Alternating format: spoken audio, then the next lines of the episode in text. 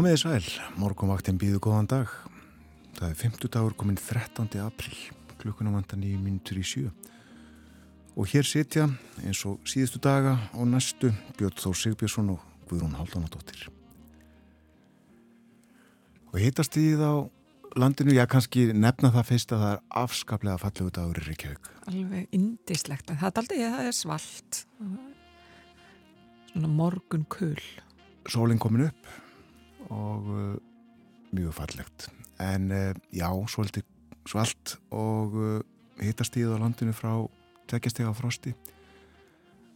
En upp í 60 hitta það sem hlýjast var klukkan 6 þetta á við um lálendið þetta en það var einstigs frost í Reykjavík og uh, mátti sjá þess gæta uh, á túnum á grasi, kvíti yfir og uh, líka kannski örlítil í skán, mjög þunn á rúðum bíla. En uh, eh, sólageislarnir, uh, eh, þeir breyta þessu nú fljótt. Einstigsfrost í höfuborginni á klukkan 6 og uh, lötur hægur vindur, 1 metri meldist suðaustan, léttskíð. Og svipaviður á Kvanneri, hittin við frostmark í stikkisólmi þar var heiðskýrt og 2 metrar Einstýrsfrost bæði á Patrísfyrði og í Bólungavík sem og á Holmavík, Lokna Holmavík klukkan 6 og einstýrsfrost á Blönduósi, einstýrs hitti hins vegar við Söðunisvita, einstýrsfrost á Akureyri, Lokn, Skíjað, Svipaveður á Húsavík, einstýrs hitti á Rauvarhöfn, einstýrs hitti bæði á Skeltingstöðum og á Eilstöðum, það ringdi á Eilstöðum klukkan 6 Fimmstega hiti á höfni Hortnaferði, 10 metrar á sekundu þar norðanátt, 6 gráður á kvískerim, 6 metrar þar. En hiti við frostmark á Kirkjubæðaklaustri, hitin líka við frostmark í Árnesi, en fimmstega hiti á Stórhauða í Vestmanniðum. Og frostið sínist mér á hálendinu uh, áttastig þar sem kaldast var þar við, og það var við sandbúður. En uh, Guðrún verður, verður uh, Lít í dag eða kallt? Það er spáð fjagra til 11 stiga hitta og það er bara ljómandi fallegt viður framöndan líka á morgun. En það er, er norðaustlega átt núna og svona bara 3-10 metrar á sekundur svona almennt en 10-15 metrar með suðustu ströndinni og það verður rikningu með köplum austan og suðustalans í dag en þurft að kalla annar staðar svo á morgun er spáð norðlegra átt áfram en það getur verið jél norðan til en að öðru leiti mestu létt skíjað um sunnavert landi og það er spáð nætur frosti áfram. Einmitt. Og vegagerðin varar við hálku á nokkrum vegum á vestfjörðum, líka hálka á Norðurlandi, Norðausturlandi og Östurlandi. Svona eru aðstæðir í landinu þennan morgunin. Og það er ímyndlegt á dagskrá hjá okkur á morgunvaktinni í dag, uh, tal og tónar, allt með hefðbundum hætti og uh, varðandi talið að þá uh, nefnum við að við ætlum að tala um samningsmál sérgreinalækna. Þau mál bara í hreinum ólestri, ég held að það sé á þetta að segja það. Við ætlum líka að fjalla um livjathróun sem að unnið er að og hefur vakið aðtikli út í heimi eða annars hjá Európusambandinu sem að vara að veita íslenskum vísindamönnum 900 miljónar krónar styrk. Já, þetta er dák og fjárhæð þar. Meira um þetta á eftir. Og bói ágúsómarum með okkur.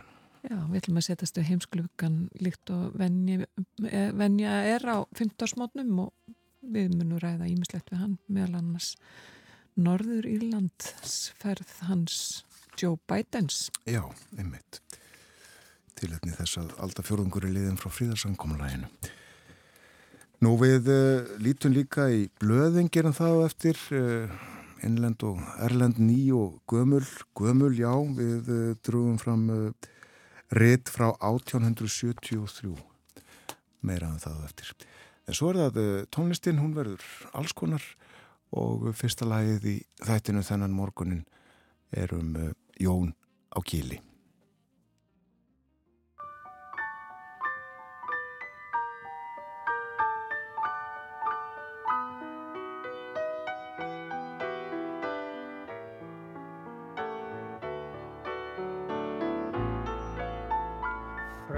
toppi og ný tá ég titra eins og strá af á sem aðrir fá. Á gili Mér hverfur heyrn og sjón ég hamast eins og ljón. Og hvað ég elskan jón. Á gili Hvernig allt hringsnist í höfðinu á mér. Hjartað og inniblinn þjást og bylta sér. Frá toppi og nýtt á ég titra eins og strá. Af á sem aðrir fá á gili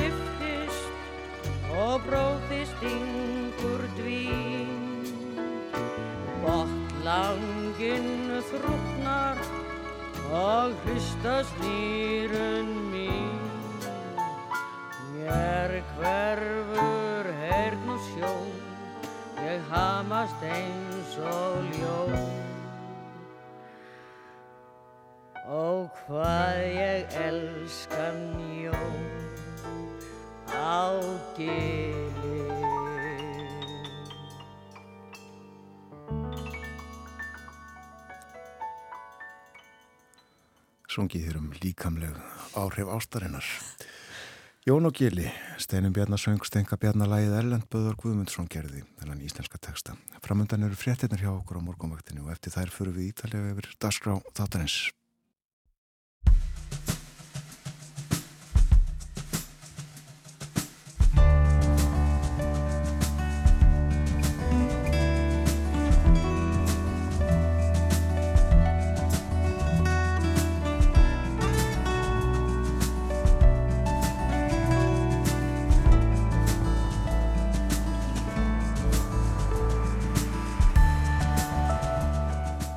Góðan dag, morgunvaktinu hilsar. Í dag er 50 dagur, komið 13. apríl. Umsjón með þættinum hafa Björn Þó Sigbjörnsson og Guðrún Háldanadóttir og meðalefni sjá okkur í dag nýjasta tækni og vísindi, erlend málefni og samningslösi læknar. Já, sérgrenna læknar hafa verið án samnings við ríkið meirum fjögur ár og fyrir viki hafa sjúklinga þurft að greiða meira fyrir heimsókti sérfræðings en ella og í rörki bandalagi á allara samtalsafi samningsleysi kosta sjúklinga um 10 miljardar króna á þessum rúmum fjórum árum. Ragnar Freyr Ingvarsson, gíktarleiknir og formaður leiknafélags Reykjavíkur ætlar að fara yfir, yfir þessi mál með okkur út frá sjónarhóli læknana hér eftir morgufréttir. Svo er þetta, bakteríur geta verið lúmskar og útsjónasamar og þeirrar náttúru að það er þróa þól gegn livjunum sem ætlað er að verja okkur fyrir þeim.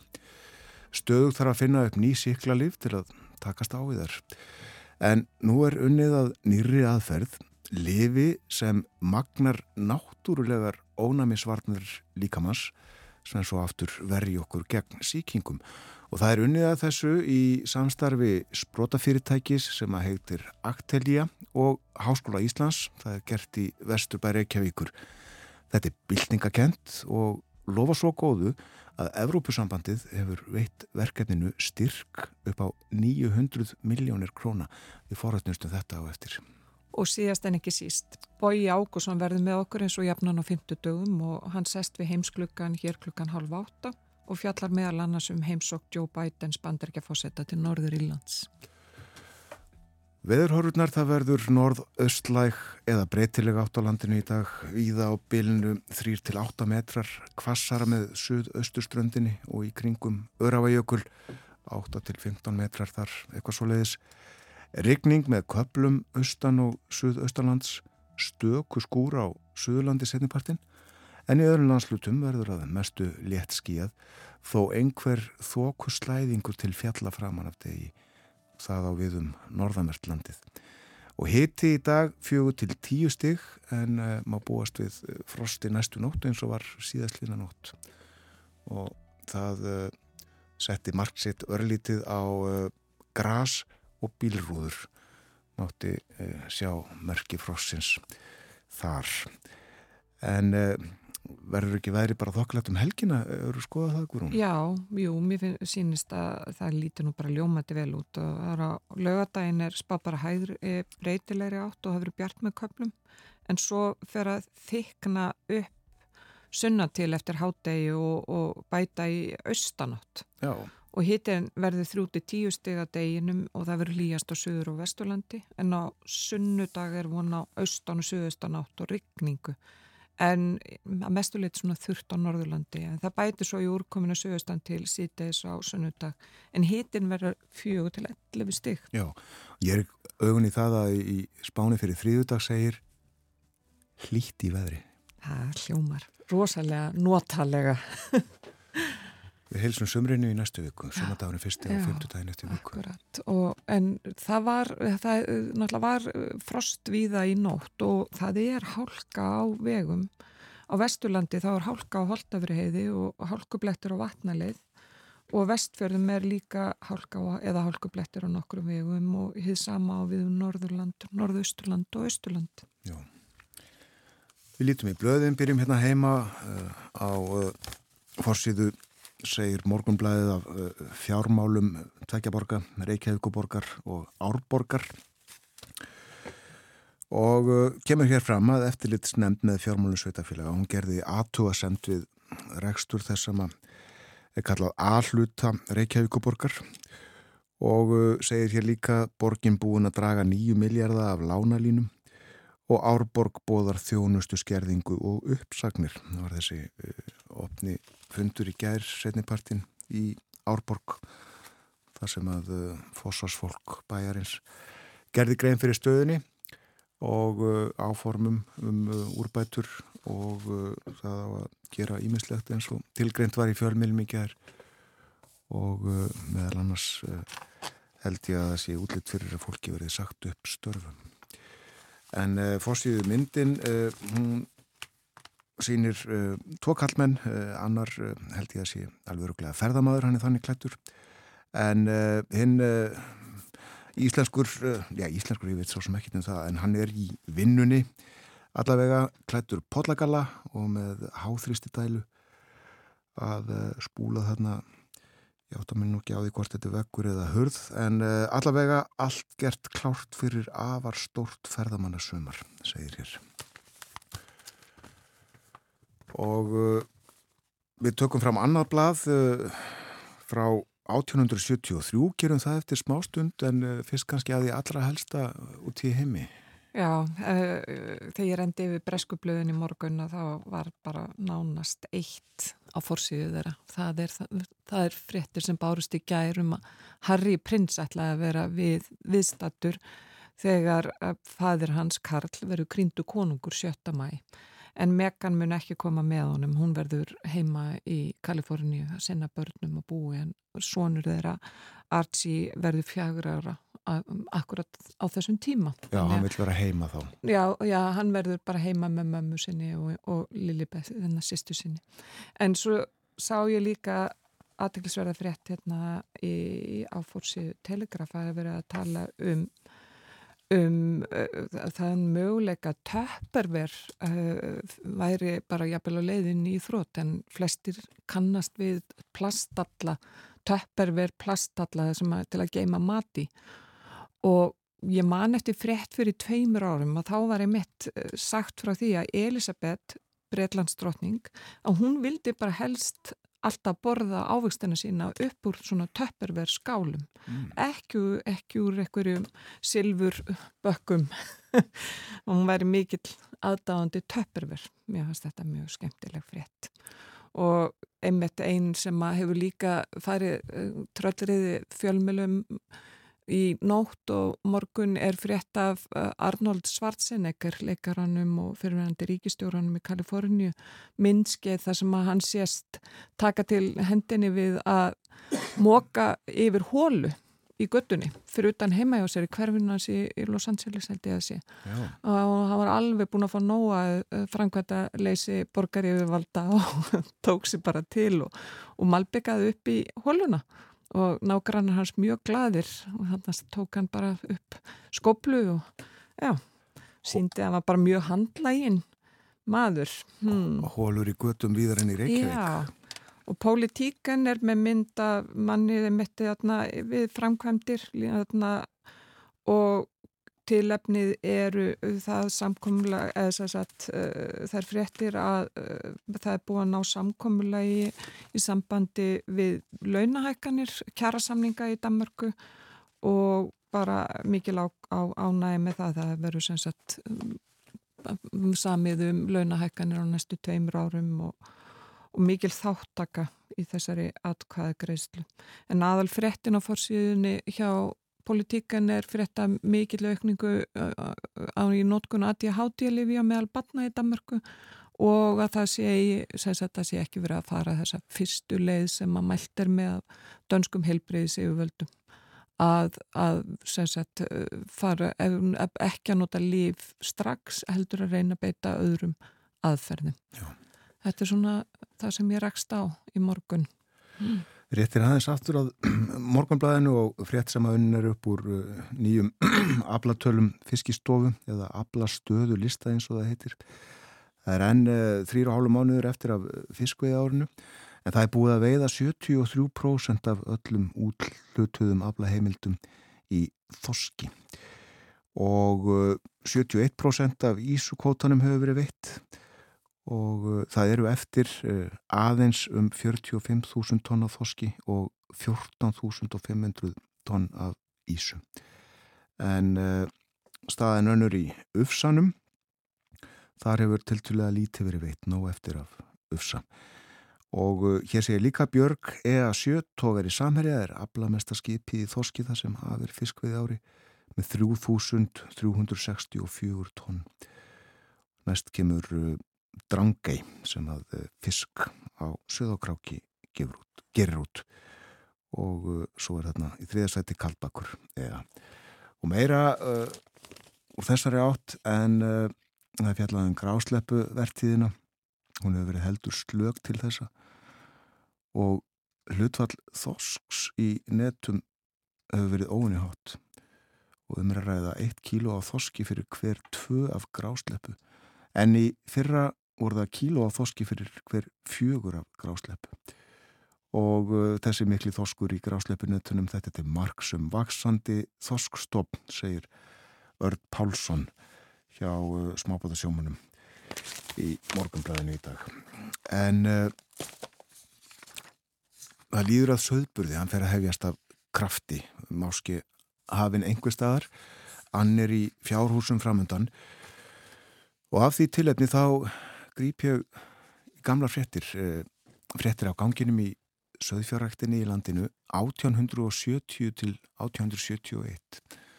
Við það lesa hér úr réttinu frettum frá Íslandi.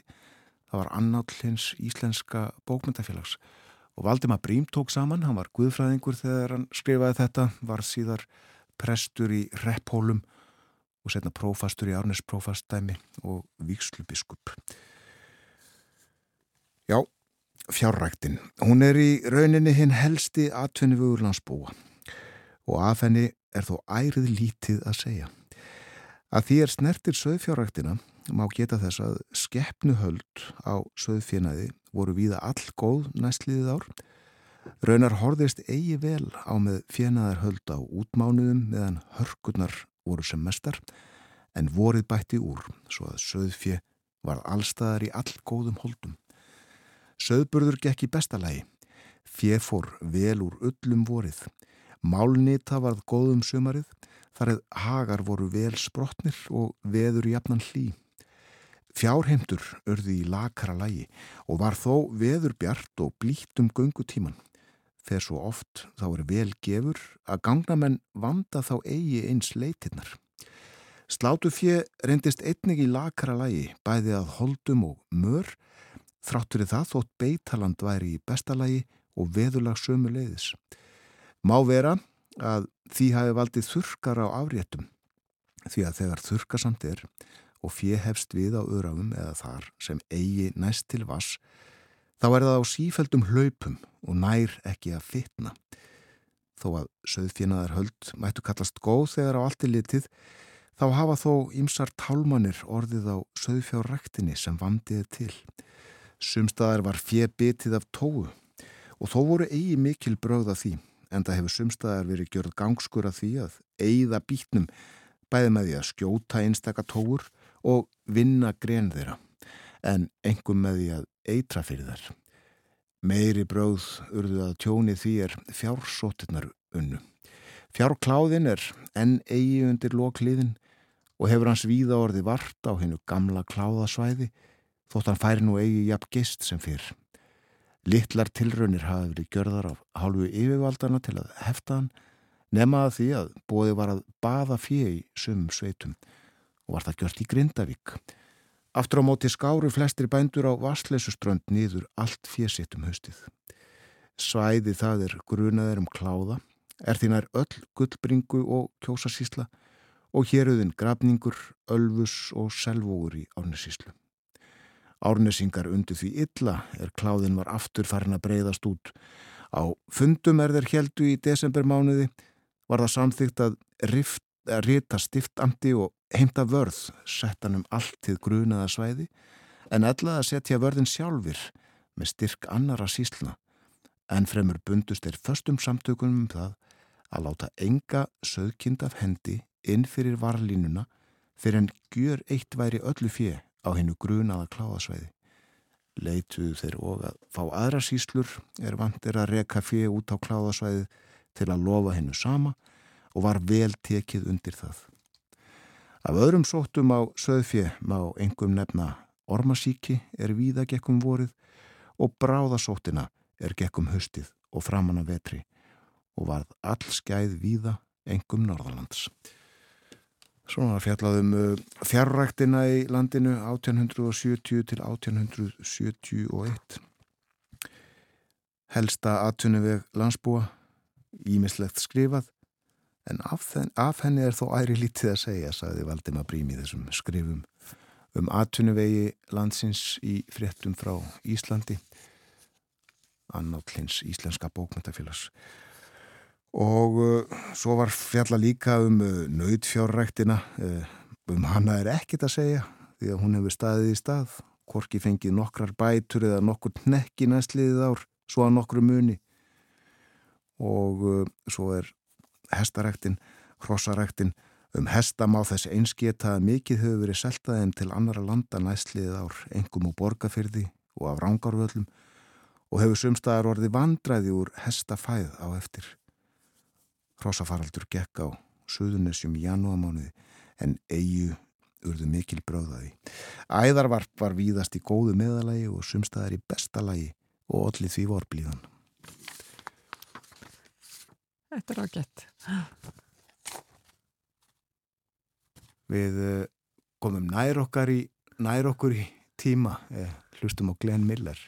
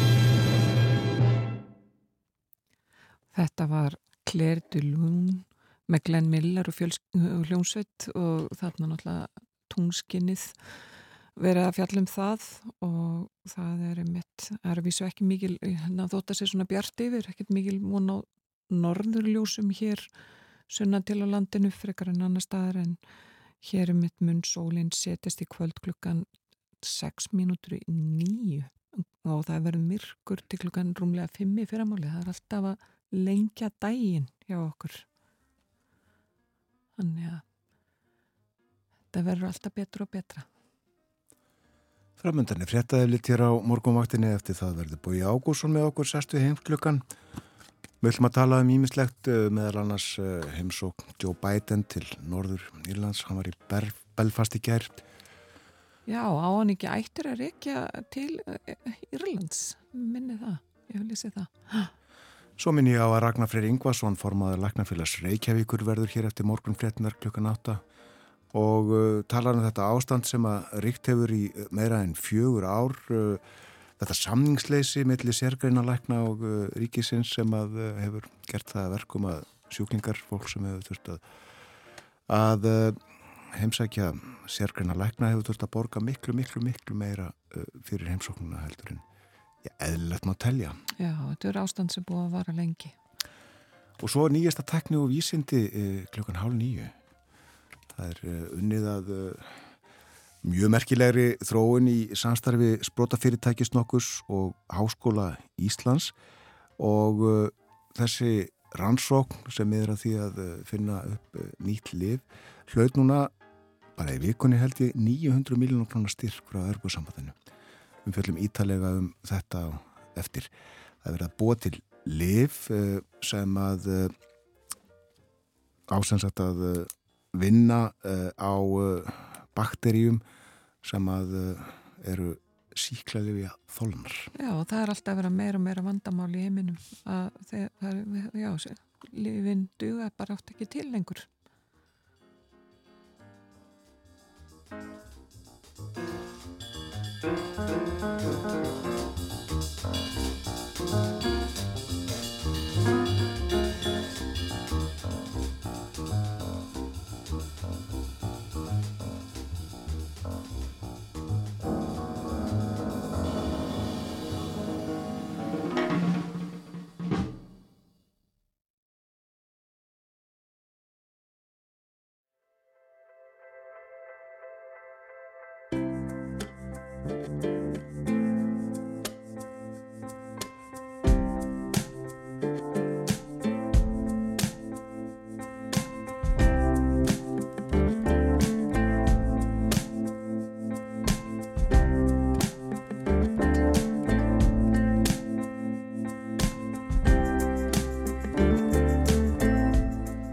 Sæl aftur þegar það hlusta á morgunvaktin á rás 1.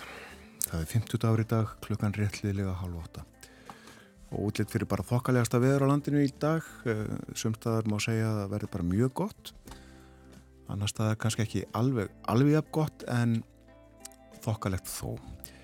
Og ég nefni aftur sem að ég nefndi hér áðanrak augun í það að eh, á þriðjudag þá verður einfallega lítið veðri á Íslandi við fagnum því. En Bói Ágússon er komin til okkar í hljóstóðu. Góðan dag. Góðan dag. Við ætlum að fjalla um Erlend málefni. Heimsklukkin á uh, dagskrá eins og jafnan á 50 dögum, uh, ekki tó fyrir viku, þá var skýrdagur og næsti 50 dagur er sumadagurinn fyrsti. Þetta verður svona, já. Það er glukki í dag.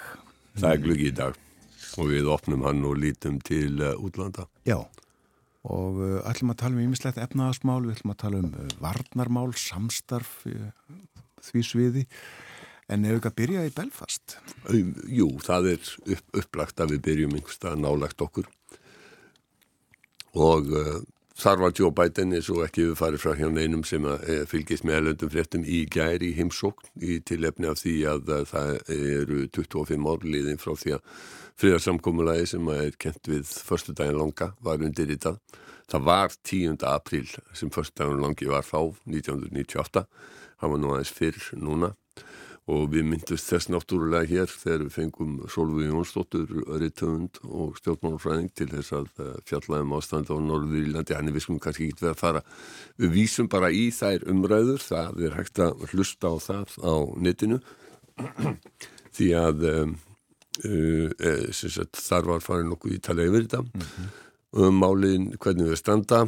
Og uh, en hins vegar er svona, var aðeins að hugsa um að huga að svona aðkomi bandaríkjamanna að þessu, þessum deilum á Írlandi. Og það er nú svo að bæði núverandi fórsetið Joe Biden og margir aðrir jável Barack Obama rekja ættir sínar til Írlands og uh, Barack Obama er nú meira sko þekktu fyrir að vera frá minnum við var ekki Indonési og, og síðan Kenya en hann átti líka ættir að rekja til, uh, til Írlands. Að við styrja sem allir bandarækja fórsettar í einhvern uh, forföð, föður eða formóður sem að hefur uh, átt upplunum sinna á, á Írlandi Uh, og þeir gera mikið úr þessu. Ástæðan fyrir því að þeir gera mikið úr þessu er það að það eru 40 miljónir manna í bandaríkjónum sem að uh, telja sig vera vestur íra eða svo má orði komast eins og við tölum um vestur Íslendinga það er að segja eiga ættir að leika til bandaríkjana 40 miljónir? Til Írlands, 40 miljónir 350 sem að búi í landinu? Já, og þetta og menn náttúrulega hugsa allir þessa að það er svona ákveð minnstur í því hvenar bandaríkja fórsetar fara til Írlands í heimsóknir uh, og það er svona þegar fer að líða að næstu kostningum mm. þannig að að hluta til má, má svo sem hérna segja að þetta sé kannski já, svona líður í undirbúning í Joe Bidens uh, fyrir næstu fórsettakostningar því að hann hefur líka verið að gefa það í skinn hann ætla að bjóða sig uh, fram aftur þó hann sé nú komin á nýraðis aldur uh, en uh, og bandaríkjaman þeir hafa sagt, út af þessum tengslum uh, að þá hafa þeir uh, skipt sér talsvert af deilunum á Norður Írlandi og málefnum Írlands. Og uh, það var sko, það var eiginlega í rauninni má segja að, um, að svona aðkoma bandaríkjamanna fyrir 25 árum hún skipti vírulega miklu máli. Mitchell, öldungadeildaþingmaður sem þar var þá í fórsæti, hann eiginlega svona tók hausana og landi á saman og, og á endanum þá, þá, þá gekk þetta upp. Þó að enginn væri ánaður með samkómulegin eins og það var gert fyrir 25 árum, það var enginn sem að það voru allir meir og minna óanaði með það en eh, áttuðu sig á því að það var betra að fá eitthvað samkómulega heldur en ekki neitt. Já, akkurat og uh, Mitchell, uh, þessi öldungadelta þingmaður George Mitchell, já. já, hann var sáttasemjari í þessari deilu. Já, já, já, já, já, sko, það það voru mjög margir í rauninni sem að koma að þessu og leiðtógar um, katólika og mótmælanda fengur fríðavellu Nobels fyrir þetta réttilega því að það eru þeir sem að fara fyrir þessum hópum sem að stóðu í átökunum og það eru þeir sem að semja mest en uh, að sem segja að Mitchell hafi verið sáttasemjarinn e, í þessu. Svo má heldur ekki gera lítið úr hlut bresku og írsku ríkistjórnana á þessum tíma sem að, sem að skipti líka algjörlega öllu máli. Þannig að það eru margir í rauninni sem eru höfundar af þessu fríðarsamkominlegi e, árið 1998. Það er mjög sérkennileg staða upp í pólitíkin í Norður Lílandi núna hún er mjög sérkennli vegna þess að uh, DUP sem er uh, Democratic Unionist Party um, hann, það er flokkur uh, mótmennanda sem er stundum farið yfir þetta hérna í hinskluganum mjög sérstakur flokkur félagslega afskaplega afturhaldssamur og hann er á móti öllu. Í rauninni má segja sko að, að, hérna, að svona standard svar þeirra ef að stungir upp á einhverju er nei. Og þeir eru á mótöllu þeir voru nema einu. Þeir stuttu brexit. Ja. öfugt við meiri hluta Norður Íra. Meiri hluti Norður Íra vildi vera áfram í, í hérna í Afrópussambandinu en uh, þeir eru nú ekki nema rúmlega 20% flokku núna uh, og þeir eru ekki lengur stæsti flokkurinn og mótmælindur eru ekki lengur fjölmennasti fjölmennasti hóparinn á Norður Írlandi.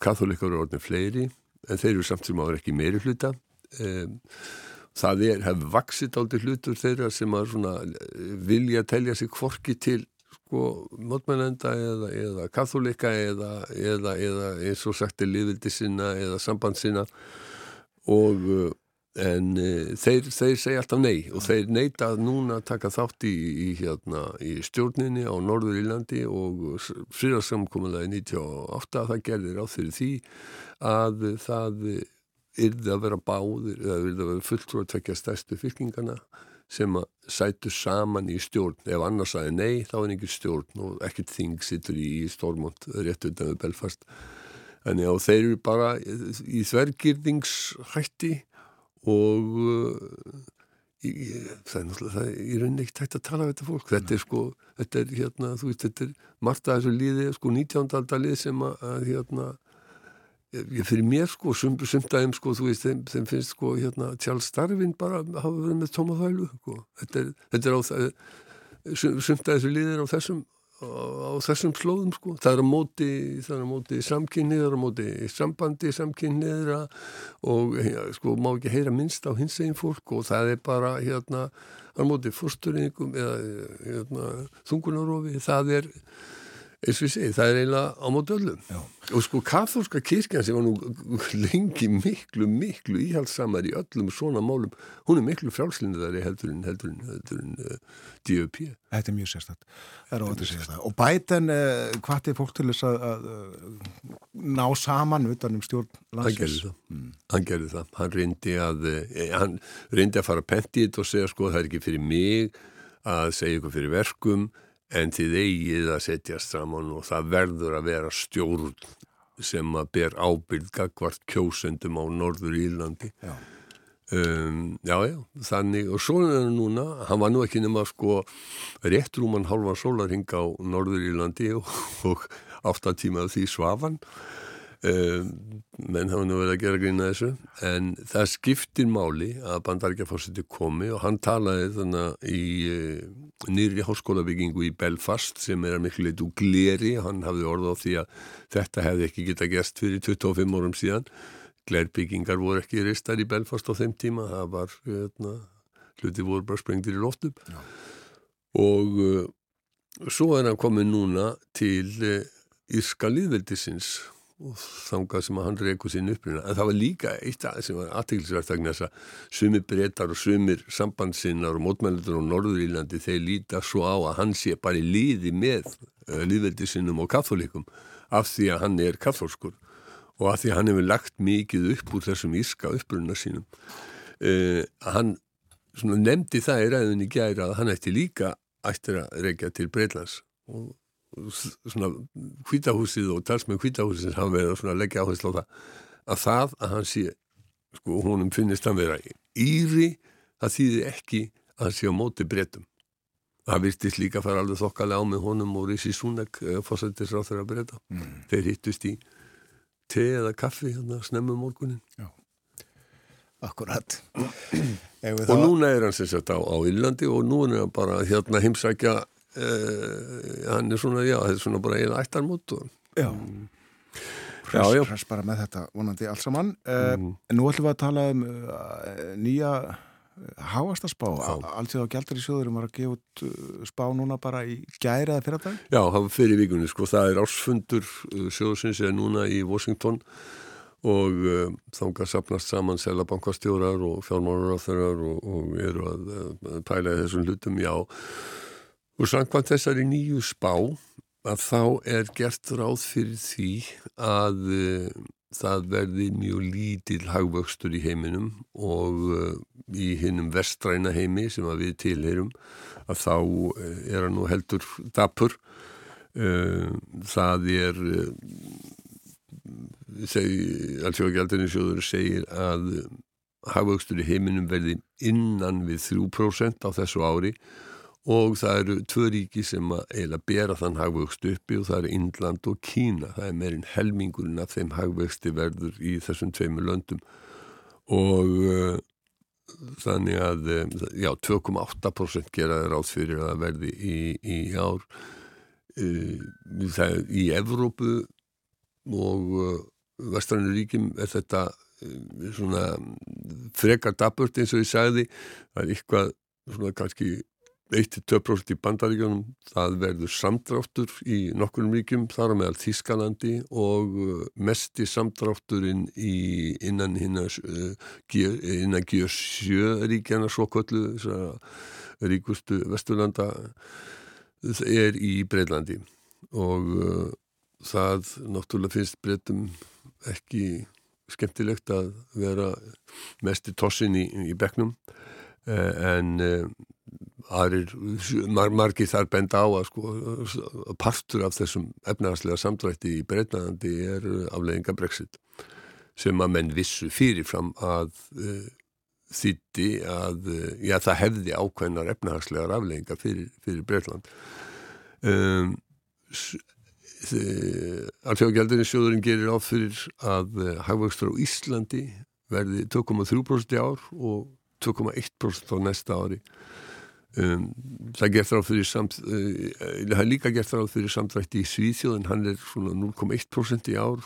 Um, uh, og uh, í Nóri er gert ráð fyrir 2,1% hagvegst í ár og 2,5% á næsta ári. Og það er stöðnun í, í Danmark og Finnlandi svo fyrir svona yfir þessi Já. næstu lönd okkar.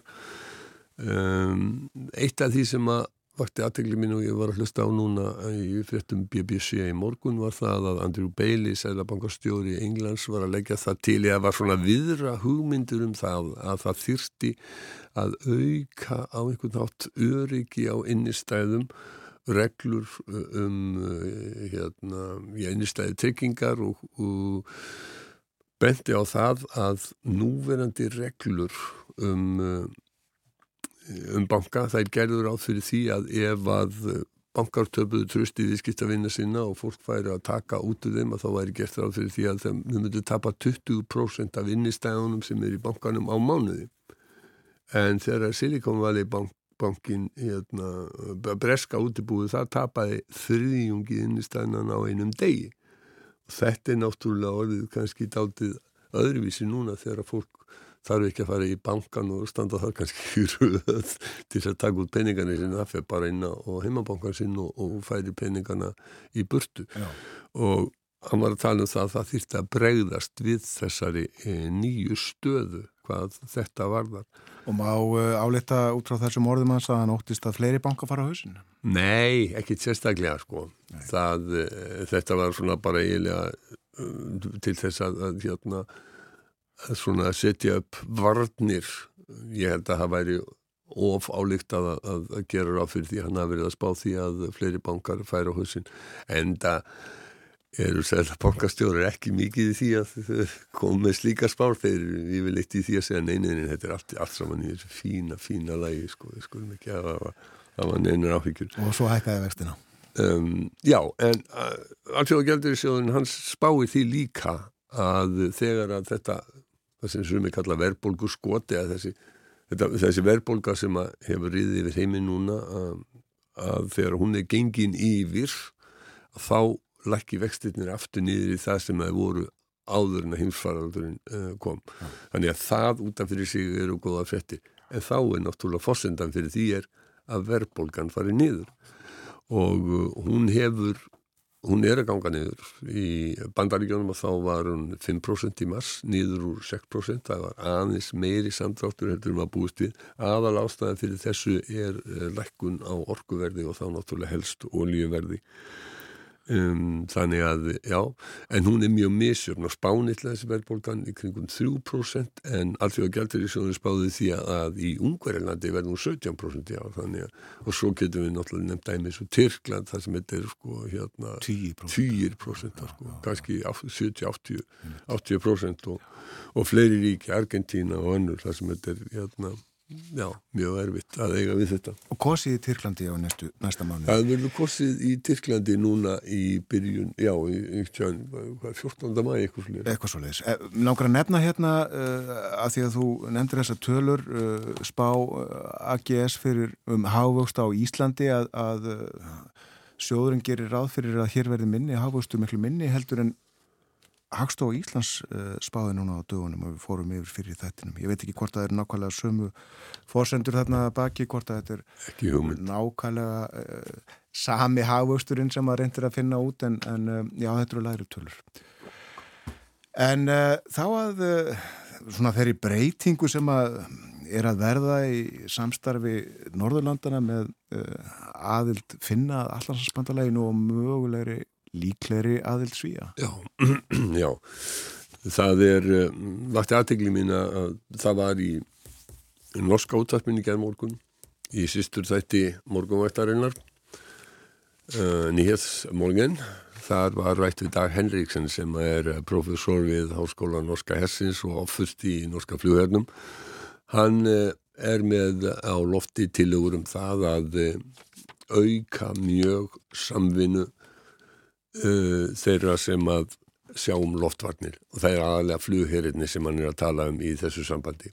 Og hann bendir á að, að um, samtal segi Norðurlöndin fjögur Íslandikar er hann ekki neina orustuflug eh, um 250 að muni á, á, á, eftir, eftir, eftir örf á misseri eiga samtals rúmlega 250 fullkomnar nútíma orustuþóttur og, eh, og þetta skiptist nú daldi misjáft sko, Danir eru til dæmis núna þeir eru að fá, ég held að það er endi í 27 F-35 uh, bandarískum þóttum þeir eru að skipta át F-16 eldri þóttum uh, þegar að þessu verður lokið þá verður þetta samtals um 250 svíjar eiga langt mest af þeim. Þær eru sænskar þóttur JAS 39 Gripen, ef maður rétt, já uh, en uh, en sem sagt hann var að segja að með því að leggja saman líti á þetta sem eina held að þá eru þetta miklu öflugri loftvarnir heldurinn þegar hvert og eitt land er að hugsa fyrir sig Já. og hann stingur upp á því að já, sem leggur fram þær hugmyndir að eh, Norðurlöndin myndi svona eins konar samiðilega upplýsinga og stjórn miðstöð uh, bendir á það að herfóringi sem að hefur um 250 þóttur uh, til umráða hann er í allt annari stöðu heldur en svo sem er með 30 eða 40 og hann segir líka og bendir á að normenn séu með svona tvo aðal herflugvelli það, það vita anstæðingarnir sem að náttúrulega sjálfsögur rússar þeir vita þetta allt saman og uh, það er miklu en það er miklu auðveldar að segja hann að verjast ef að norski flugurinn gæti haft sumulegis bækjustöðvar já, hugsanlega í Svíþjóði já, vel Finnlandi, Norðu Finnlandi þannig að sko, þú veist menn vissu ekki hvar er hvar eru, hérna, eru þótturnar á hvernig tíma og það, það þeir, þeir geti leitað og lent á einhverjum öðrum stöðum heldur en þeir gera núna já. og uh, síðan sko Já, það eru svona margfældis áhrif í þessu. En norrent samstarf, hefur það ekki náð til varnar og hernaðamál? Jú, jú, jú, jú, og þó að uh, finnar og svíjar hafi ekki verið í NATO þángatil núna og svíjar væntanlega vonandi setna á þessu ári, þá uh, hafa bæði finnar og uh, svíjar tekið þátt í hernaðaraðgerðum NATO í Afganistan til dæmis og svo ég minni á að bæði svíjar og finnar hafa tekið þátt í loftrimis eftirliti yfir Íslandi Já. og það er aldrei sérstakt sko að, að þann eftirlit sem er á vegum allarsafsbandalagsins að það skuli vera þjóður utan bandalagsins sem hafi tekið þátt í því og það er með þetta er sko næri tíu ár síðan að finnar og svíjar komið hérna komið hérna fyrst. Akkurat. Það er mikil umræða um öryggis og varnamál uh, á Norðurlundunum bara eins og víðar í heiminum þessa dagana og vikurnar. E, það er það, það er það. Ég hef nú ekki séð úskaplega mikið fjallað um þessar tilugur dag, Dags Henriksens en hann skrifaði grein í aftinpústin mjög tján í fyrra akkurat með það sem hann útfæri þessar hugmyndi sínar uh, uh, nokkuð, nokkuð nákvæmlega sko og nokkuð vel um, og, og hann og rauksendir hans virðast nokkuð samfærandi og, og þetta er hann náttúrulega gengur ekki svo langt að segja sko þú veist við erum að búa til einn flug hér en hann er svona í að því að það verði samiðileg yfir stjórn og samiðileg upplýsingamjöstuð þannig að við hættuleg tækifæri þegar að ógnir stedja af að þá geti Norðurlöndin átt mjög öflugan loftflota, ja. mjög öflugan flugherr samíli og það er náttúrulega alveg klárt að, að e, þessi samnorræni flugherrin að gesalappa er með öflugustu flugherjum í, í hérna Evrópu, munið að Bertil Horter fyrirvændi um, metamálur á þeirra dana þegar hann var að tala um þetta sko, hann var að segja að samíli hefur Norðurlöndin eftir Norðurlöndin stærri flugherr heldurinn heldur bæði þjóðverjar og uh, frakkar og brettar. Já. Þannig að erum, þetta, er, þetta er mjög þetta er mjög öflugt uh, varnantæki sko. 250 vilar saður 250 og það sem að skipti máli sko, er, þetta er, þetta er hérna, algjörlega sko, splunkunýjar og full, fullkomlar vilar og uh, þetta er líka, flugminn eru mjög vel þjálfaðir og þannig að jájá já. Þannig að sko sjóðurnar hafa verið að endur nýja núna á undanföldum árum. Finnar tóku síðast ákvarðunum þá þeir fóru líka í þessar svo kulluðu hérna Lockheed Martin eh, F-35 vélar sem eru kallaðar Elding 2, Lightning 2 uh, og svíjar eru nú svona frekarsúrir vegna þess að þeir eru vonast til þess að, að þeir myndu kaupa svenskar vélar þannig að en finnar þeir ákváðu að það verður ímsar ástæður sem að, sem að lága baki því. Sko sænski flugherrin hefur eh, hérna, yfir alltaf byggt á sænskum flugvilum það er öflug flugvila inn að SAP í, í Svíþjóð.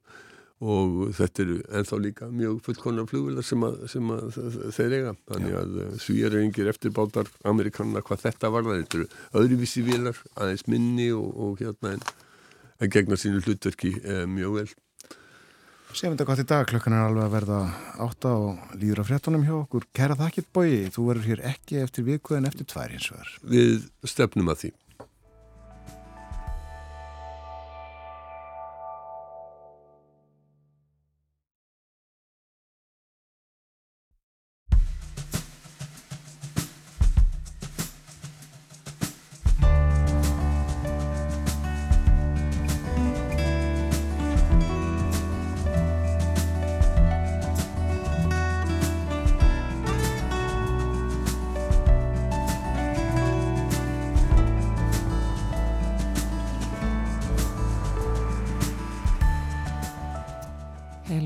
Aftur. Klukkuna klukkan er 6 minundu gengin í nýju og við Björn Þór Sipjursson sittum hér við morguvaktina ég heiti Guðrún Holdanadóttir og við ætlum að ræða næst um samningsleysi sérlækna sérgreina lækna og í nýjasta riti læknablasins þá skrifar Ragnar Freyr Ingvarsson sem er formaður læknafélags Reykjavíkur og er gíkta læknir og einni stjórnamaður í Læknafélagi Íslands um þetta samningsleysi. Það eru komin rúm fjögur ár síðan að samningur, samningur rann út og við ætlum að spyrja hana þess út í það.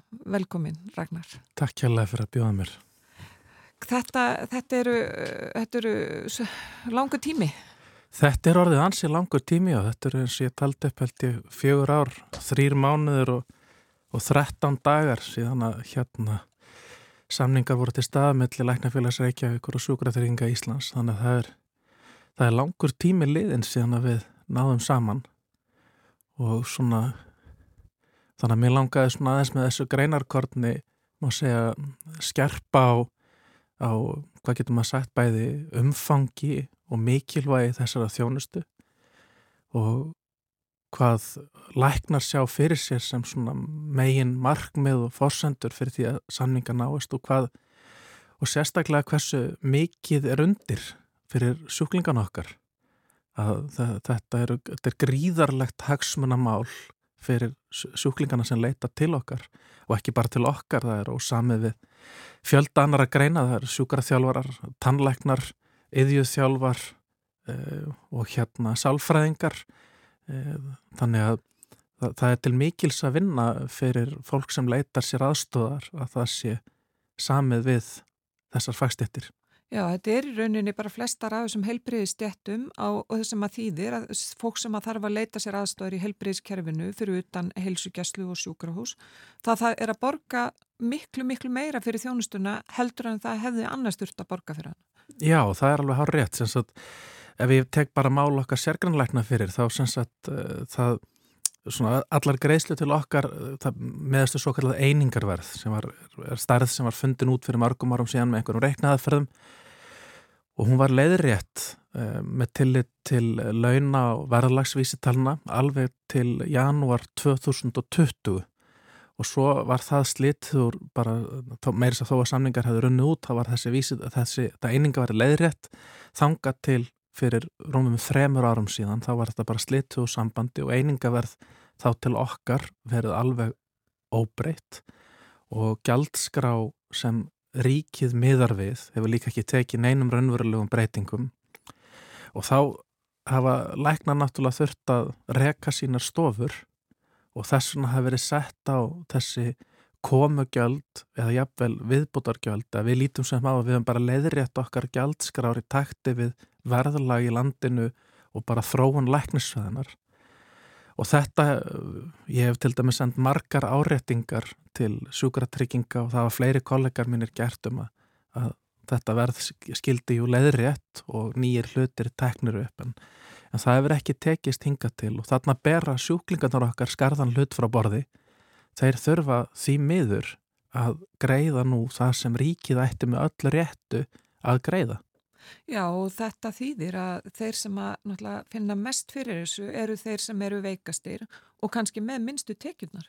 Það er alveg harrið að þeir sem, sem, sagt, þeir sem til dæmis lifa á örkubótum eða eru á lágum launum, þeir hérna hafa kannski ekki efni á því að leita sér hjálpar og það er ótrúlega daburlegt í landi sem vil kenna sig við velferðaríkið að við vegum svona að okkar, hvað getur maður sagt, veikustu bræðrum og systrum að þau get ekki leita sér aðstofar.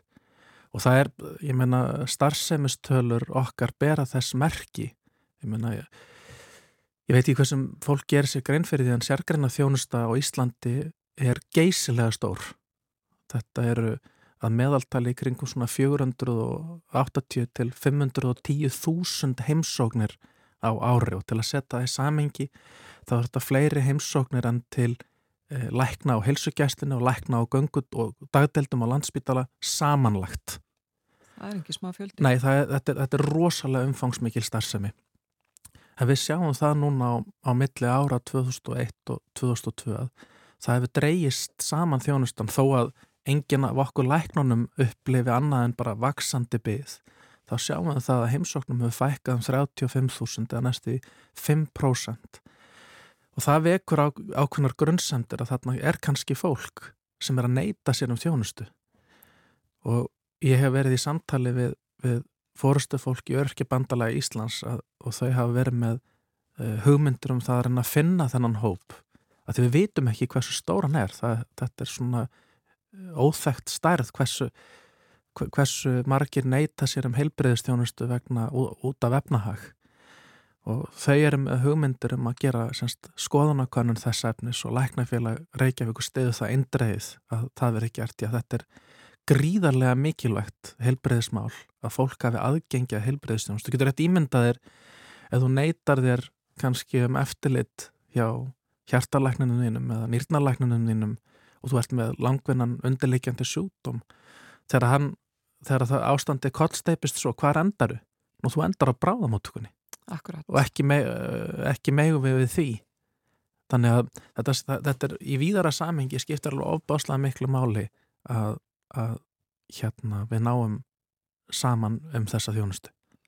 Já, ég meina, ef þú bara skoðar samfélagsmiðla, þá sérðu að það er töluvert um að fólk er að segja, ég hef ekki ráð aðgerðinni sem að ég hef beðið eftir í x marg ár vegna þess að ég get ekki borgað þennan mikla kostnað. Og við erum líka að sjá fólk sem að fer og náttúrulega þarf að borga þetta að það hugsa sem gang. Ég hef ekki ráða því að fara aftur. Fáið því ekki að heyra þetta uh, læknar? Hjá ykkar skjólstæðingum? Jú, auðvitað ræða sjúklingarnir þessar áhyggjur við okkur líka og ég menna, maður reynir að mæta þeim þar sem við getum, ég menna flest allir læknar bjóða sjúklingum sinu upp á greiðslu fresti að setja í heimabanka. Ég meina jafnvel á, á vísa rað og stundum gefa maður reynd út sætt bara afslátt og gefur sína þjónustu. En það, get, það getur ekki verið eðlilegt að teljast að hérna að, að hérna velferðarsamfélagi byggju upp á bara á góðmennsku minni einni saman, þar verður við að, við að koma höndum saman og ríkið að, að vernda borgar landsins sem ekki geta greitt fyrir helbriðstjónustu. Akkurat að því að þið náttúrulega einmitt eins og þú segir þá er þetta leiðrétting á ykkar kjörum að bara geta reiki stofun, stofunar ykkar. Já, ég sko, e, það er nú þannig að læknar hafa sagt, leiðrétt þetta einingaverð og rukka það bara beint til sjúklingana. Okkar helsta ástæða til að ná samningum er til þess að rétta hlut sjúklingana. Það er eiginlega óþólandi að horfa til þess ár eftir ár að þegar að hlutinni leikja alveg upp á borðum hvað vantar að, að sjúklingarnar er þeir sem ber að skarðan hlut frá borði. Ég, ég reg stofu sjálfur, ég leðrétti mína gjaldskrá um leið og samningar unn út. Þannig að ég get raunverulega ekkert kvartaði við mínu, uh, mínu fyrirtæki og stöðu þess eða, eða þeirri þjónustu sem ég veiti. Það sem ég hef hins vegar áökjur af eru sjúklingandi mínir. Og þetta er bara alveg ótrúlega ósangjant að þetta fá að halda svona áfram ár frá ári. Akkurat og þú vísar til þess í greinðinni í leknablaðinu að það örkja bandala ég áætlið að þetta samningsleysi kosti sjúklinga um það hafi hingað það sem eð, til dagsins í dag frá því að samningar runnu út kosta sjúklinga um 10 miljardar króna.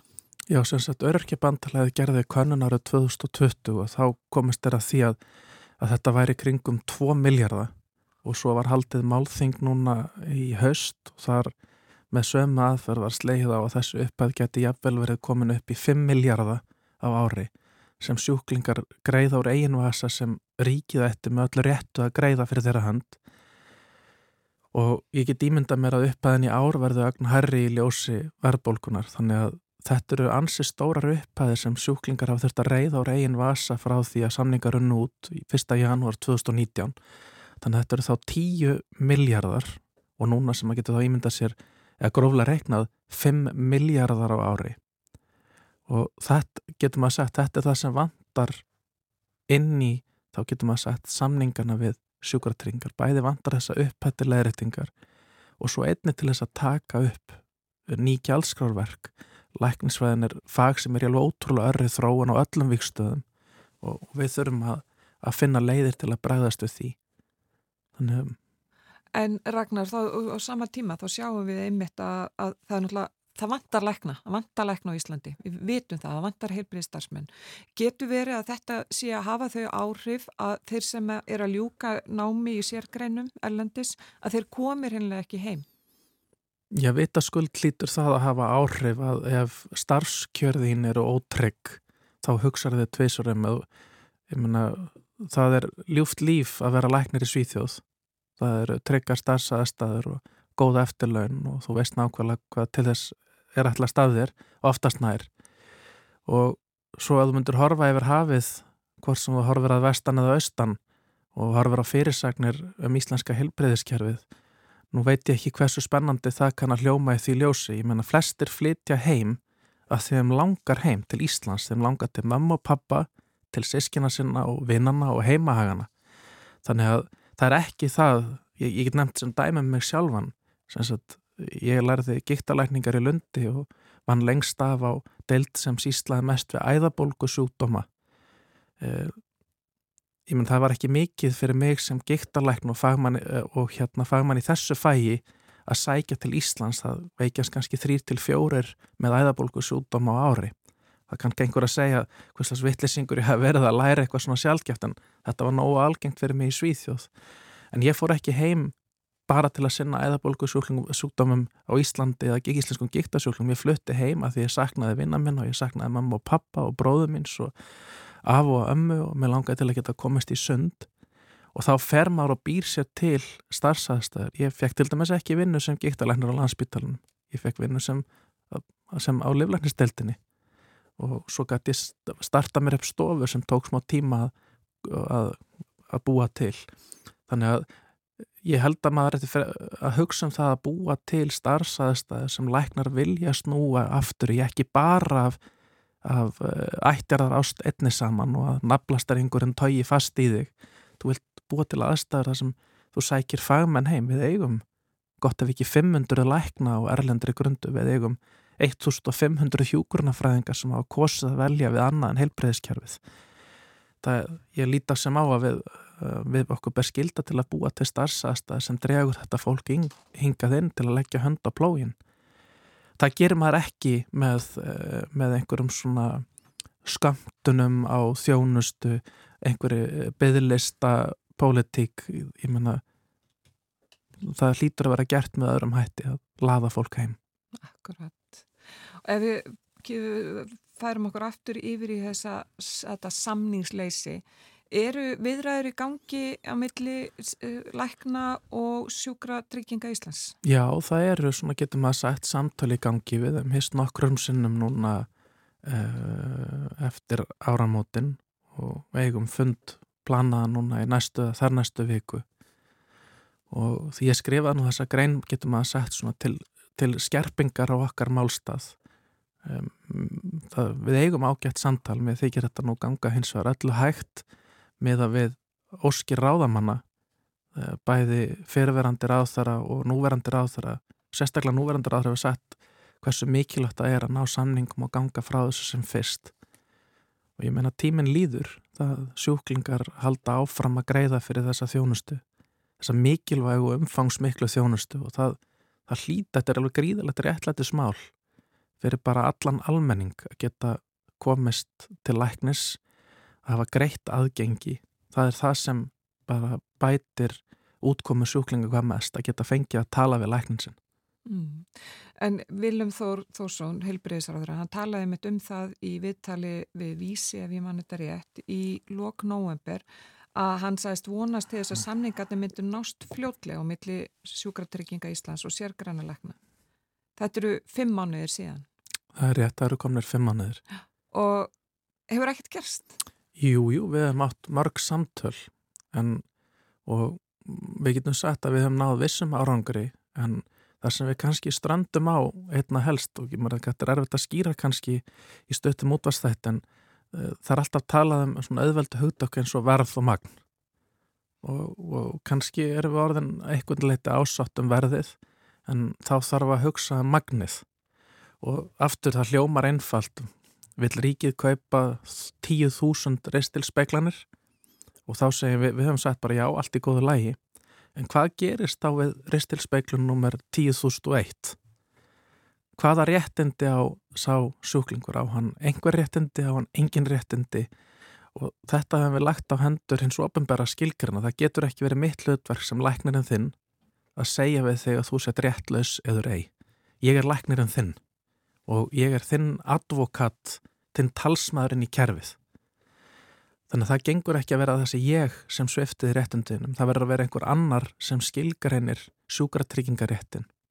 Hversu lengi þú átt að býða, hvað átt rétt á mikillir þjónustu hjá hinum á þessum læknum eða sjúkraþjálfurum eða sálfræðingum eða þjálfum.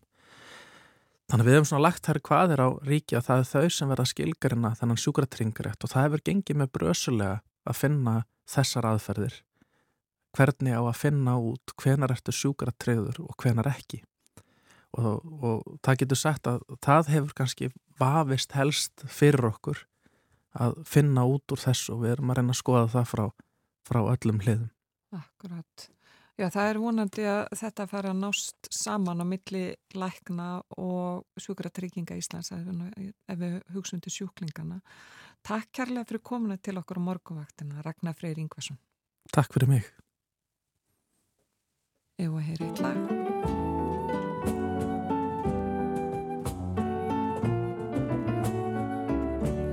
newest beginning.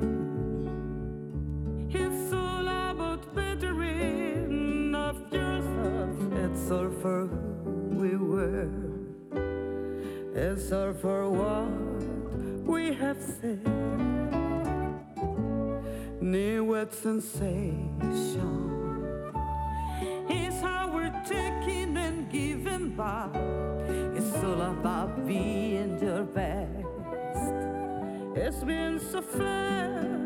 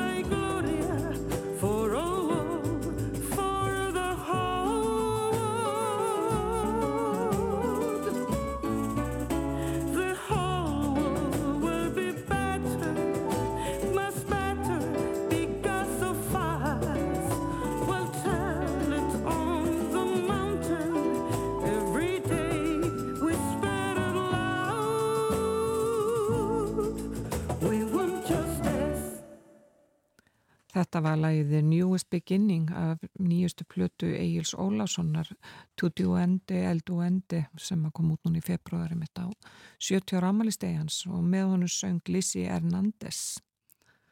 En hann var að fara frá okkur, hann Ragnar Freyr og við höldum áfram í heilbreyðiskerfinu hér eftir frétta yfirleitt klukkan hálf nýju.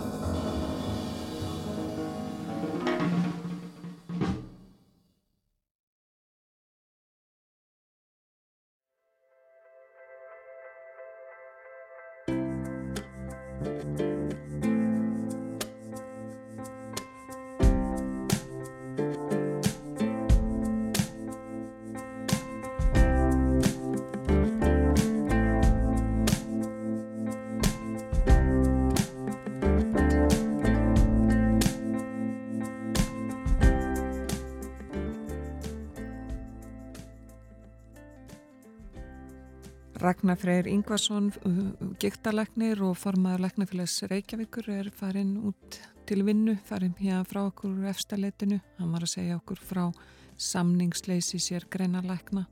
Þeir hafa verið samningsleysi við ríkið í rúm fjögur ár, fjögur ár, þrjá mánuði og 13 daga nákvæmlega held ég hann hafi sagt. En við ætlum að halda okkur á, á heilbriðisnótum áfram og nú ætlum við að ræða um þróun livja, livjaþróun og þeir eru komniringa til okkur á morguvaktina Guðmundur Rapp Guðmundsson rannsóknastjóri og stopnandi Akt Helía og Egil Másson sem er frangatastjóri Akt Helía Pharmaceuticals velkomni til okkar hinga á morguvaktina Takk fyrir. Takk fyrir. Við sögum frá því hér eh, rúmlega sjö í morgun að, að fyrirtæki ykkar hafi verið og eða sérst verkefni sem að þið leiðið hafi verið að fá háa fjárhæð í styrk frá Evrópusambandinu. Byrjaði óskukku til hamingju. Takk fyrir. Takk. Eh, Þetta eru, þetta eru 6 miljónir evra eða jafna, eða nála, nálagt 900 miljónur krónar sem að Evrópusambandi setur í þetta verkefni sem að þið eruð með. Segið okkur aðeins frá bara þessu verkefni og um leið hvernig þetta fyrirtæki Actelia Pharmaceuticals var til. Guður. Já, þannig sem sagt, ég hef vunnið við rannsóknir á uh, varnarpeptíðum. Uh, peptíður eru lítil prótein og varnarpeptíðin, þetta eru svona grunnvarnarkerfið. Í þekjunni þetta er það fyrsta, allra fyrsta sem að, uh, sem að vera okkur. Það, það sem fyrst var að lýsa kerfinu og hvar það væri staðsett og svo leiðis, síðan var að kíkja á stjórnununa. Og það sem kom í ljós snemma, af grein sem var gefin út 2001, að ákveðna bakteríur sem eru síklar, það er ekki allar bakteríur síklar, uh, deyfa þetta kerfi. Og þegar, þegar þær uh, bakteríuna deyfa kerfið, þá geta það ráðist inn. Því að við erum vel varin. Þetta eru okkar fyrstu, fyrstu varnir. Við fundum sem sagt eitt af þessum peptíðum sem er eiginlega, við notum svolítið sem merki í dag fyrir góðar varnir og síðan vorum við að brjóta þetta upp og sjáum það að þeim er stýrt á uh, hliðstæðan uh, máta mörg saman. En okkar, við gátum alltaf að nota þetta sem merki og það sem við fórum að leita að var það hvernig við getum örfað þetta. Sérst bakterían slekkur á þessu, eða deyfir, og við kveikinn tilbaka. Og við byrjuðum á ákveðnum efnum sem voru óstöðug og nýlega höfum fundið efni sem eru þá munstöðugri og erum búin að sína síðan í dýratilröðum þar sem við verðum að gera að þetta virkar. Já, þetta, þessi peptíðar, þetta er þá sagt, varn, varn, varnir fruma, semst verð frumurnar fyrir þessum árásum síkla bakteríu, bakteríu sem eru síklar. Nákvæmlega. Og, og með því að, sagt, að, að nota eitthvað sem þið ætlaði að segja mig frá, Já. það gerir það verkum að, þessi, að varnin, varnir frum, fruma aukast aftur. Já, nákvæmlega og með því að gera þetta þá getum við sínt að, að, að síklunum fækkar mjög mikið. Og þetta þarf að gera fyrst í dýramótulum og þetta erum við búin að gera. Og þetta var eitt af því sem að uh, uh, hefur áhrif öruglega að við gáttum sínt þessar niðurstöður að styrkurum fyrir gegn. Og síðan er það að þetta eru náttúrulega okkar þetta eru okkar innbyggðu varnir. Þetta er það sem er okkar til er skráði ginn okkar Já. og uh, málið er það að að með því að sagt, uh, virk, virkja þetta þá er, fer í gangs viða mikið kerfi þannig að bakteríunar komast ekki áfram. Já. Við eðlilegar aðstæður er þetta í jafnvægi, Mm. getum við sagt. Og þetta er verkefni sem að þið eruð að vinna með sagt, Háskóla í Íslands er það ekki ég og fleiri stopnun. Jú, það má segja að megin viðfarsefni aktilíu dag er, er uh, að þróa liv sem myndi gagnast uh, ónæmisbældum sjúklingum. Og við erum að fókusura á sjúklinga sem eru í krabbaminsmeðferð og það er þannig að uh, krabbaminsmeðferð hefur ymsar aukaverkanir. Og eina af þeim er að að bæla þetta kerfi og, uh, og hefur þar áhrif á þekjuvarnir í meldingavegi að, að meldingarflóran hún hreinlega legur út í, í blóðið. Og af því að sjúklingarnir eru ónæmisbeldir þá, þá veldur þetta síkingum í, í lífærum og, og, litið, og þetta er eina alvarlegasta aukaverkan uh, krabbmeinsmeðferðar. Og uh, efnin sem að uh, rannsónahópurinn fann þau sem sagt styrkja þess að þekjavarnir mm. og komaðum í lag aftur og, og við höfum sínt fram á það í, í dýralíkunum að, að, að við getum hreinlega komið í veg fyrir að meldingar fóra að leikja út í blóðið og komið í veg fyrir þessar síkingar sem eru, sem eru hérna, uh, aukaverkan vegna krabbaminsmeðferðar og það er, það er megin, megin verkefni aktil í dag. En þessi, þessi styrkur snýr hins vegar að því að horfa á notkunnsræfna í, í svona víðra samengi og þá erum við að horfa á bara almennt á bakterísíkingar Uh, og þá sérstaklega vegna fjölunamara bakterja uh, en líka veirusíkingar uh, sveppasíkingar og, og bólgusjúkdómar í, í, í meldingavegi og í þekjunni almennt, það getur verið líka verið í öndunafærum eða í þvagarás og, og jafnvel í húð Og hvað munið þið gera þá við þennan styrk? Þetta er til, þetta er, sem sagt, haldið þið áfram, er Livja rannsóknum eða hvað, hvernig, hvað? Byrjum á því að búa til sagt, afleiður mörg efni sem eru lík, þetta er all, þetta er, við erum að vinna með einn efnaflokk í rauninni og við höfum séð það að sagt, mismunandi efni af þessum efnaflokk sem ekki, þessi efni hafi ekki verið til áður hafa aðeins ólíka verkan. Og nú erum, erum við svolítið eins og hámarka og við erum búin að setja upp öll kerfin, það er búin að taka mörg ár og núna þegar við finnum nýtt efni þá vitum við nákvæmlega hvað við höfum að gera við það mm. það fer að við gegnum ákveðna kerfis meðferð hafnað, samþygt dýralíkan og svo mismunandi e, síkingar eða bolgusjúkdómar. Já, og hver eru þá næstu skref? Já, já, næsta skref er raunverulega þá að byrja að hanna þessar sameindir sem að prófa og, og, og setja upp allar þar, allar þar prófanir sem þarf að gera. Uh, við erum að vinna þetta með, þetta eru allt 16 aðilar sem koma að verkefninu, þetta eru, þetta eru háskólar um alla Evrópu og rannsóknarstofnanir og fyrirtæki sem við höfum, höfum sér valið þannig að þetta er svona úrvalshópur á okkar mati á þessu sviði og það maður segja kannski næsta, næsta stóra skrif er að koma öllum hópnum saman Já. og við munum hittast inn í Reykjavík í vor og, og, og, og hefja verkefnið svona formlega. Já. Og Guðmundur, eru þið að vinna þetta að þetta, þetta stór hópur sem kemur að þessu en eru rannsóknirnar að mestuleiti hér á Íslandi? Nei, bara hluti af þeim. Eh, Bara hluti af verkefnu er eh, hér á landi og uh, aðri hlutir munu fara fram í öðrum löndum sko. Þa, það sem að hver er með sitt líkan, getur við sagt.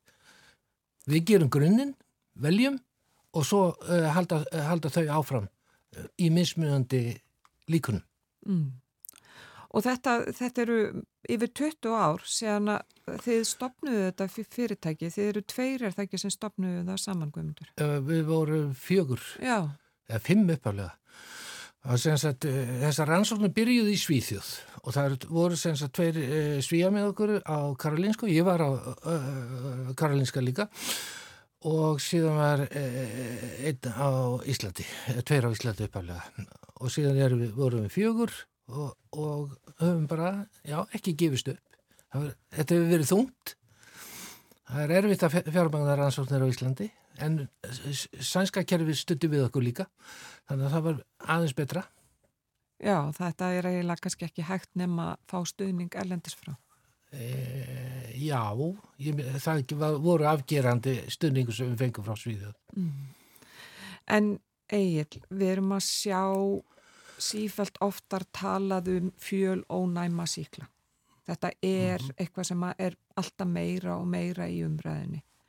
Er, er, er þetta, þetta, og talað um bara mjög mikla ógn við mm. heilbriði, er, er, þetta eitthvað sem við um eftir að sjá meira af og er þetta til dæmis styrkur Evropasambandsins til ykkar leið til að reyna að stöða þessa þróun eða allavega að berjast gegn henni. Já, ég held að þetta uh, sífælt vera, í auknum mæli vera að menn hafa sífælt auknar áhyggjur af, af síklarlefi á ánum bakteríum og menn tala jafnvel um að næstu faraldrar Mm. uh, verði af, af öldum slíkra bakteríja það er auðvitað til mikið af síklarlefum og þau eru mjög öflug en, en þau hafa þann þau hafa öll þann eiginleika að bakteríu geta fundið sér leið fram hjá þeim og, og, og það er mjög mikilvægt að, að kannski að horfa til annara aðferða til þess að berjast við síkingar heldur hún að ráða spennt á, á bakteríuna. Og, og, og okkar aðferð þarf að segja að, að ebla ónæmiskerfið uh, er, er, er eina af þeim aðferðum. Og menn þekk, þekkja kannski vel hérna, bólusetningar. Uh, við erum öll hérna, mikið verið rætt um það undanfarið það er leið til þess að ebla sérhafða ónæmiskerfið sem að, sem að menn, menn eru með og, og spendir en, en, en ónæmiskerfið sem við erum að fókusura á er, er kallað náttúrulega ónæmi. Við eigum það samanlegt með, með skortýrum og, og lengra aftur í þróunarsögunni. Þetta er, þetta er mjög gamalt þróunafræðilegt kerfi. Mm.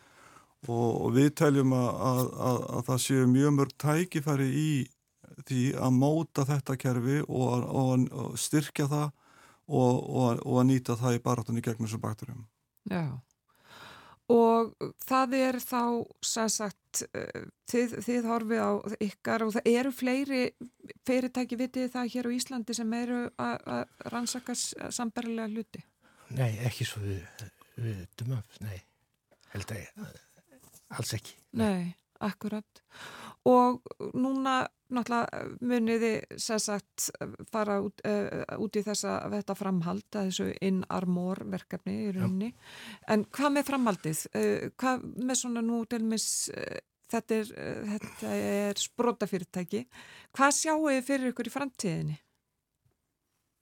Já, fyrirtækinu Já, já við sjáum fyrir okkur fyrirtæki sem að verður með, með uh, livjaverkefni, þróun á livjum við ímiskonar uh, ábeitingum og ímiskonar sjúkdómum uh, og, og, og þá bæði bakteríusíkingum en, en eins veru síkingum, sveppasíkingum og svo höfum við líka mikið á að skoða ímsa bólgutengta tengta hérna sjúkdómi því það er þannig að, að, að, að, e- að ein af orsökum bólgusjúkdóma eru, eru uh, ójabægi í þessum þekjuvörnum Mm. það sem að bakteríur og, og, og önnur, önnur menn, uh, svona uh, sveppir eða veirur komast í gegnum kerfi eru að leka smá saman í gegn og eru að valda þrýstingi í, í, í kerfinu sem, sem til lengri tíma liti get, getur, getur verið með skalu. Þannig að við sjáum fyrir okkur fyrirtæki sem er með, með mörg lif.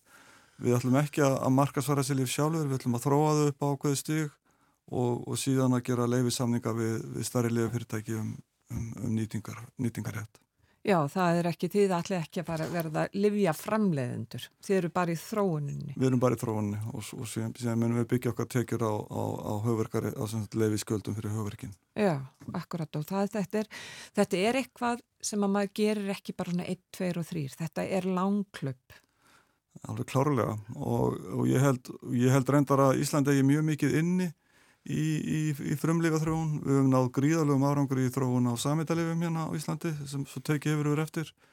Við erum með gríðalega öfluga rannsóknarstofnanir, bæði háskólana og, og fyrirtækins og Decode, Alvotech eh, og, og, og þessi og, það er þannig í dag að, að ég líti allan á þannig á að lífisindi séu kjarnafærni hérna á Íslandi ef þú horfir á tilvinnanir í greinar á annað slikt þá, er, þá standa lífisindin algjörlega uh, sem sagt eru, eru, eru mjög hátt á blaði í, í að öllu leiti og, uh, og ég held að Ísland eigi mikið inni hvað varðar þróun og frumlugum Já, almennt. Þetta er umhverfi sem hefur sprottið upp úr svarandstofnunum og það er ekki tilurinn að fyrirtengi svo Alvotek og, og Decode hafa valið að vera hérna á Íslandi.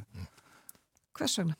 Það er vegna þess að það er bara gríðalega upplugt lífisinda rannsónastar sem fer fram á Íslandi og, og, og það er örgulega, það er nú lengs að segja frá því en, en það er ekki tilvílun að Decode og, og, og ver- verður til á Íslandi.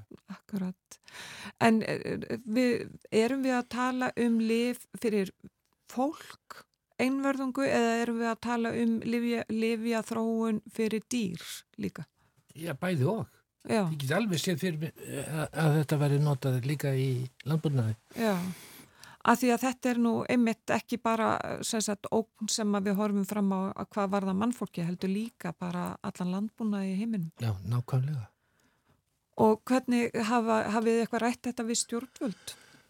Þessa- Nei, þetta, er á, þetta hefur verið í, náttúrulega bara svona eh, á rannsóknastígi í eh, háskólanum. Ég er náttúrulega professor í frumlífræði við háskólan og þar, eh, þannig að það er ekki hægt að segja að þetta hafi vakið mikla aðtegli, sko. En þess vegna er gott að koma hingað. Akkurat. Og eh, hvernig eru þá nefendur til dæmis að taka þátt í þessari rannsóknarvinnu nefendur við Háskóla Já, já, Íslands? það verið auglist eftir núna, ég er að fara yfir stöðuna núna og vonandi getið síðan með styrktum þá bætt við fleirum. Ég hef alltaf verið með nefnendur. Já, sem að, og þá jafnvel, er þetta þá bara doktornefendur eða er þetta... Ég hafa verið ný doktor í þetta og tæknimaður til að byrja með og uh, það er svona ákveðið meira frelsi í því en síðan þegar það er uh, jarðvegur fyrir því þá mistar henni maður doktorsnumur þess vegna. Já. Og Egil, uh, hvað með, uh, hafið þið áhuga á að fá fleiri fjárfesta að fyrirtækinu? Já, við erum, að, erum nýbúin að loka, eða erum um það byrja að loka fjármögnunar umferð og, og erum að undirbúa næstu. Þetta er svona, stu, þetta er svona stöðugt verkefni að fjármögna svona fyrirtæki og um, í, í næstu umferð munum við leita til elnendara fjárfesta uh, sem sér hafa sig í, í lífísundum. Þetta er þannig að að það eru fjárfæstar sem sér hafa sér í svona fyrirtækjum og koma inn með þekkingu sem að, sem að þarf til þess að koma svona fyrirtækjum uh, áfram og, og, og það er sífell leita fjármagni, bæði styrkjum og og var þetta langt ferli núna, umsóknarferli hjá Európusambandinu til að fá þessa 900 miljónir? Já, við erum búin að vera held ég í þrjú ár að- skrifa umsóknum til Európsambandsins og það er gríðarlega samkeppni og, og þess vegna er þetta mikil viðurkynning fyrir okkur að fá svo loksins annar styrk. Akkurat. Bara til hamingju aftur með styrkin og takk kærlega fyrir komuna til okkar hinga á morguvaktina Guðmundur Rapp Guðmundsson, rannsóknastjóri og stopnandi Akt Helija og Egil Másson, frangvatastjóri fyrirtækisins. Kæra þakkir. Takk fyrir.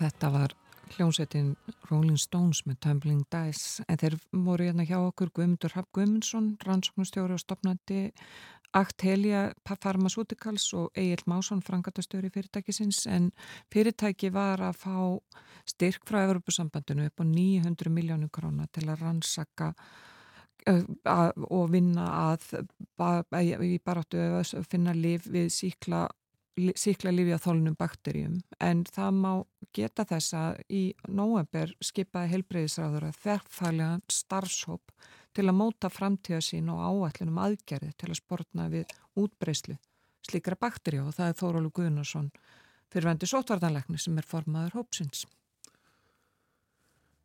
Það er komið að loka morgumvaktarinnar í dag, klukkuna 6 minútur í nýju. Við verðum hér í fyrramáli og nefni minni á að þá verður Anna Sýriður Óláfsdóttir professor í næringafræði með okkur, ráðláður dagskamtur Í fyrramáli ætlar hún meðal hans að fjalla um mjölk og áfengi. En uh, við höfum sett ég er síðan fyrir sjö í morgun bjóðum aftur og næst góðan dag þegar klukkuna vantar tíminn til sjö í fyrramálið. Við þökkum samfélgina og vonum að þið njóti dagsins. Verðið sæl.